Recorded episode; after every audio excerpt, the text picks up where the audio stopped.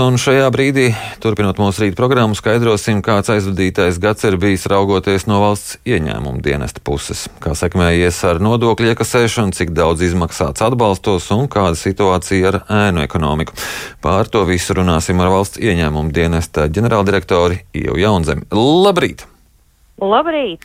Un, Un tad vispirms sāksim ar to situāciju nodokļu iekasēšanas jomā. Kādas sekmes šogad? Jāsaka, ka neskatoties uz pandēmijas, vairākiem pandēmijas viļņiem, budžeta ieņēmumi ir, ir labi, un uh, budžeta ieņēmumi izstāsta pat pārpildīsies, salīdzinot ar plānu, un par to liels paldies uzņēmējiem, ka, kas to ir nodrošinājuši. Šobrīd mēs varam runāt par laika periodu līdz novembrim, tātad šobrīd nodokļi samaksāti jo decembri maksās tikai janvārī, bet, eh, bet tiešām jāsaka tā, ka ieņēmumi pārsniedz plānoto. Tā kā redzēsim, kāds būs decembris, bet nav pamats domāt, ka varētu būt daudz sliktāk, jo mēs zinām, ka lockdowns bija novembrī. Un arī tad ir labas nodokļu ieņēmums. Tas nozīmē, ka eksporta spējīgie spēj strādāt un maksāt nodokļus.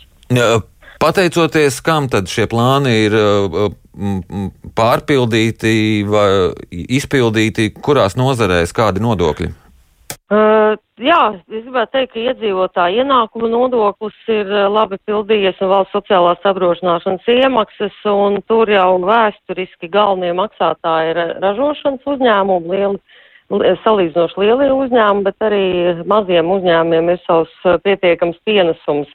Un, ja mēs runājam par vienu, pievienotās vērtības nodokli, protams, tie esam mēs visi, Un arī jūs vaicājat par ēnu ekonomiku, tad arī ēnu ekonomikā strādājošie divas trešdaļas no saviem ienākumiem samaksā tieši pievienotās vērtības nodoklī un akcijas nodoklī. Tā kā tādā ziņā e, mēs visi esam devuši to pienesumu, lai budžets būtu izpildīts.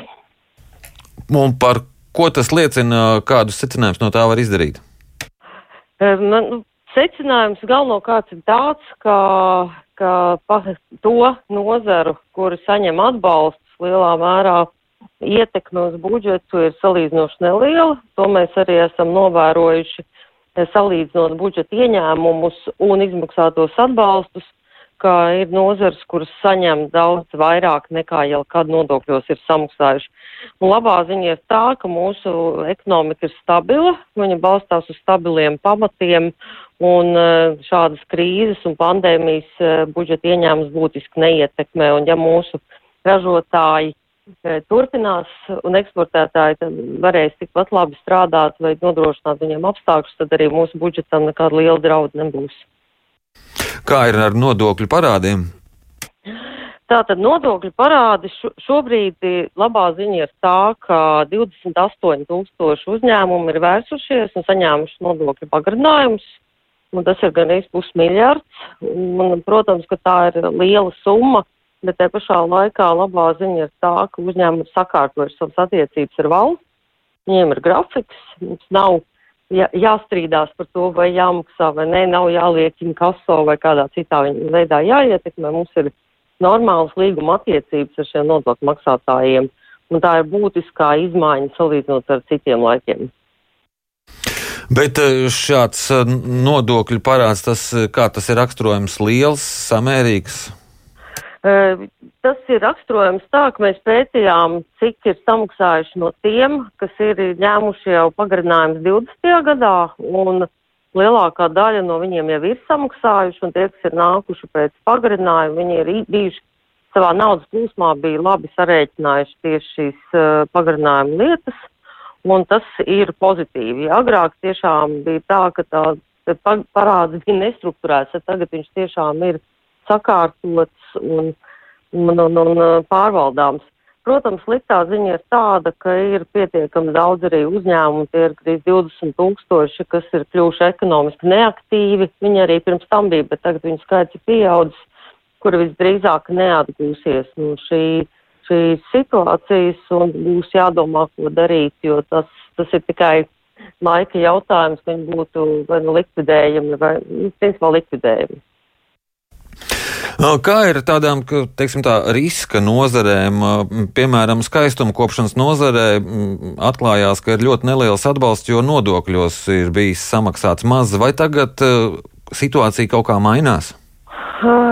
Diemžēl atkal pēdējais vilnis, tagad trešais vilnis, kā mēs sakam, parāda, ka tajā nozarē ar apziņu par to, ka jāmaksā nodokļi īpaši nekas nav mainījies. Viens no pēdējiem gadījumiem, ko man kolēģi minējuši, ir par vienu frizieri, kas ir samaksājis 2,40 eiro un atbalstā saņems 40 centus.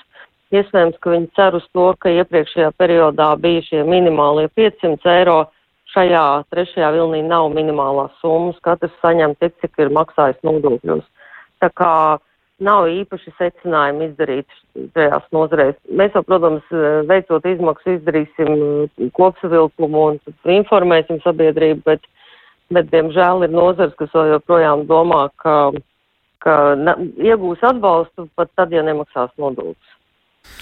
Kuras vēl ir šīs nozares? Tā kā šobrīd mēs atbalstus maksājam galvenokārt pakalpojumu sniedzējiem, tad, tad es varu runāt tikai par pakalpojumu sniedzējiem. Uh, Eh, runājot par, par vidējo, par ražošanas uzņēmumiem, šobrīd ir pieaudzis to algu saņēmēju skaits, kas saņem vairāk par 1000 eiro, un ir samazinājies to saņēmēju skaits, kas saņem mazāk par minimālo algu. Tā kā, tā kā ir diezgan, diezgan skaidrs, ka ražojošajos uzņēmumos ir eh, labāka šī nodokļu nomaksas disciplīna nekā pakalpojumu sfērā. Tas arī to apliecina arī tas, ka, mēs, ka pie mums ir vērsušies vairākas pakalpojumu sfēras uzņēmumi, tie, kas maksā nodokļus, un mēs kopīgi arī esam nonākuši pie secinājumiem, kā pilnveidot mūsu darbu, un arī mēs sniegsim priekšlikumus normatīvu aktu izmaiņām. Bet kas notiek ar sabiedrisko ēdināšanu? Tā tad ir uzņēmumi, kuri ir, ir guvuši peļņu, kas ir spējuši attīstīties. Tad, mēs veicām pat salīdzinājumu starp vien, vairākiem nu, uzņēmumiem Rīgā, teiksim, un Liepājā. Un mēs redzam, ka ir uzņēmumi, kas var veikt normālu nodokļu nomaksu, un ir tie, kas visu laiku saka, ka tas nav iespējams. Es varu pateikt, tas ir iespējams, un to mums ir reāli piemēri, kas to apliecina. Šajā nozarē notiek izmaiņas? Izmaiņas notiek tādā virzienā, ka, kā es jau minēju, ir uzņēmumi, kuri ir spējīgi nomaksāt nodokļus, kas attīstās, un ir tie, kuri visdrīzāk šo pandēmiju nepārdzīvos kā nu, tieši sabiedriskajā ēdināšanā tas būs vien, visvairāk, es domāju, visvairāk uh, piedzīvo šo izēju no tirgus. Jā, bet tad raugoties kopā, kopēji uz ēnu ekonomiku, kāda, kā, kā, kāda tā jūs ieskatā tā situācija ir veidojusies, ēnu ekonomika palielinās, stagnē, samazinās? Pēc mūsu aplēsēm, kas gan bija jūlijas, jo mēs uh, uzskaitam šo indeksu katru gadu maijā, jūnijā. Mums bija neliels samazinājums atbilstoši mūsu statistikai. Grūti šobrīd pateikt, kā es teicu, maijā, jūnijā mēs varēsim pateikt, kādas ir, kad būs apkopot visu nodokļu ieņēmumu un aprēķināts plaisas. Protams, būs ietekmes dažādas gan vakcinācijas procesām, gan arī tam, kā uzņēmumi pārkārto savu saimniecisko darbību. Šobrīd mēs neredzam, ka būtu samazinājies nodarbināto skaits. Tas liecina par to, ka viņi ēnās eh, nav aizgājuši. Jautājums par ienākumu struktūru, kā es teicu, varēsim spriest uh, nākošā gada sākumā, uh, jā, pirmajā ceturksnī. Jūs pieminējāt vakcinācijas procesu, kā tas varētu būt ietekmējis? Šobrīd, kā mēs redzam, šobrīd nav samazinājies nodarbināto skaits. Tas nozīmē, ka ka situācija vismaz par novembri nebija kritiska. Ja mēs skatāmies par decembri, kad stājās spēkā likuma grozība, mēs pirmos ziņojumus no darba devējiem saņemsim 15. janvārī. Tad mēs arī varēsim skatīties, kā tas ir ētekmējis. Bet, vai bet... ir kāds kritums vai nē. Bet tur ir tās bažas, pastāv par to, ka šie cilvēki nevakcinētie būtu varējuši, varējuši aiziet ēnu sektorā? Eh, mēs eh, plānojam izlases kārtībā pārbaudīt, eh, jo mēs jau zinām, cik bija nodarbinātie pirms un cik būs deklarēts, teiksim, janvārī. Un, un tad, protams, ir iespēja kopā ar valsts darba inspekciju aiziet pie šiem uzņēmējiem un apstīties, kas īsti tajās darbvietās notiek, tā kā es neieteiktu izmantot šo metodu. Izmantot kādu metodi? E, nu, kā, kā cits saka, nodarbinās nelegāli tos, kas nav vakcinēti un neuzrādīs darba devēja ziņojumos. Bet tā statistika jau redzama, vienkārši salīdzinot uh, novembri ar, ar, uh, ar decembri jau būs redzams, kuriem varētu būt strauši kritums un tos arī varētu pastiprināt kontrolēt. Tad jums ir paredzēts uh, veikt uh, kontroles, uh, doties uz uzņēmumiem, Kad... Ja mēs novērosim tādas tendences, protams, tas ir mūsu darbs. Šobrīd mēs maksājam atbalstus un to darīsim tātad visu janvāri, bet ir arī mums resursi, ar ko mēs varētu šādos gadījumos paviesoties pie uzņēmējiem un, un tas ir mūsu darbs to darīt, lai, lai budžets izpildītos un lai, lai skolotājiem, ārstiem un arī pensiju saņēmējiem būtu līdzekļi, ko, ko izmaksāt.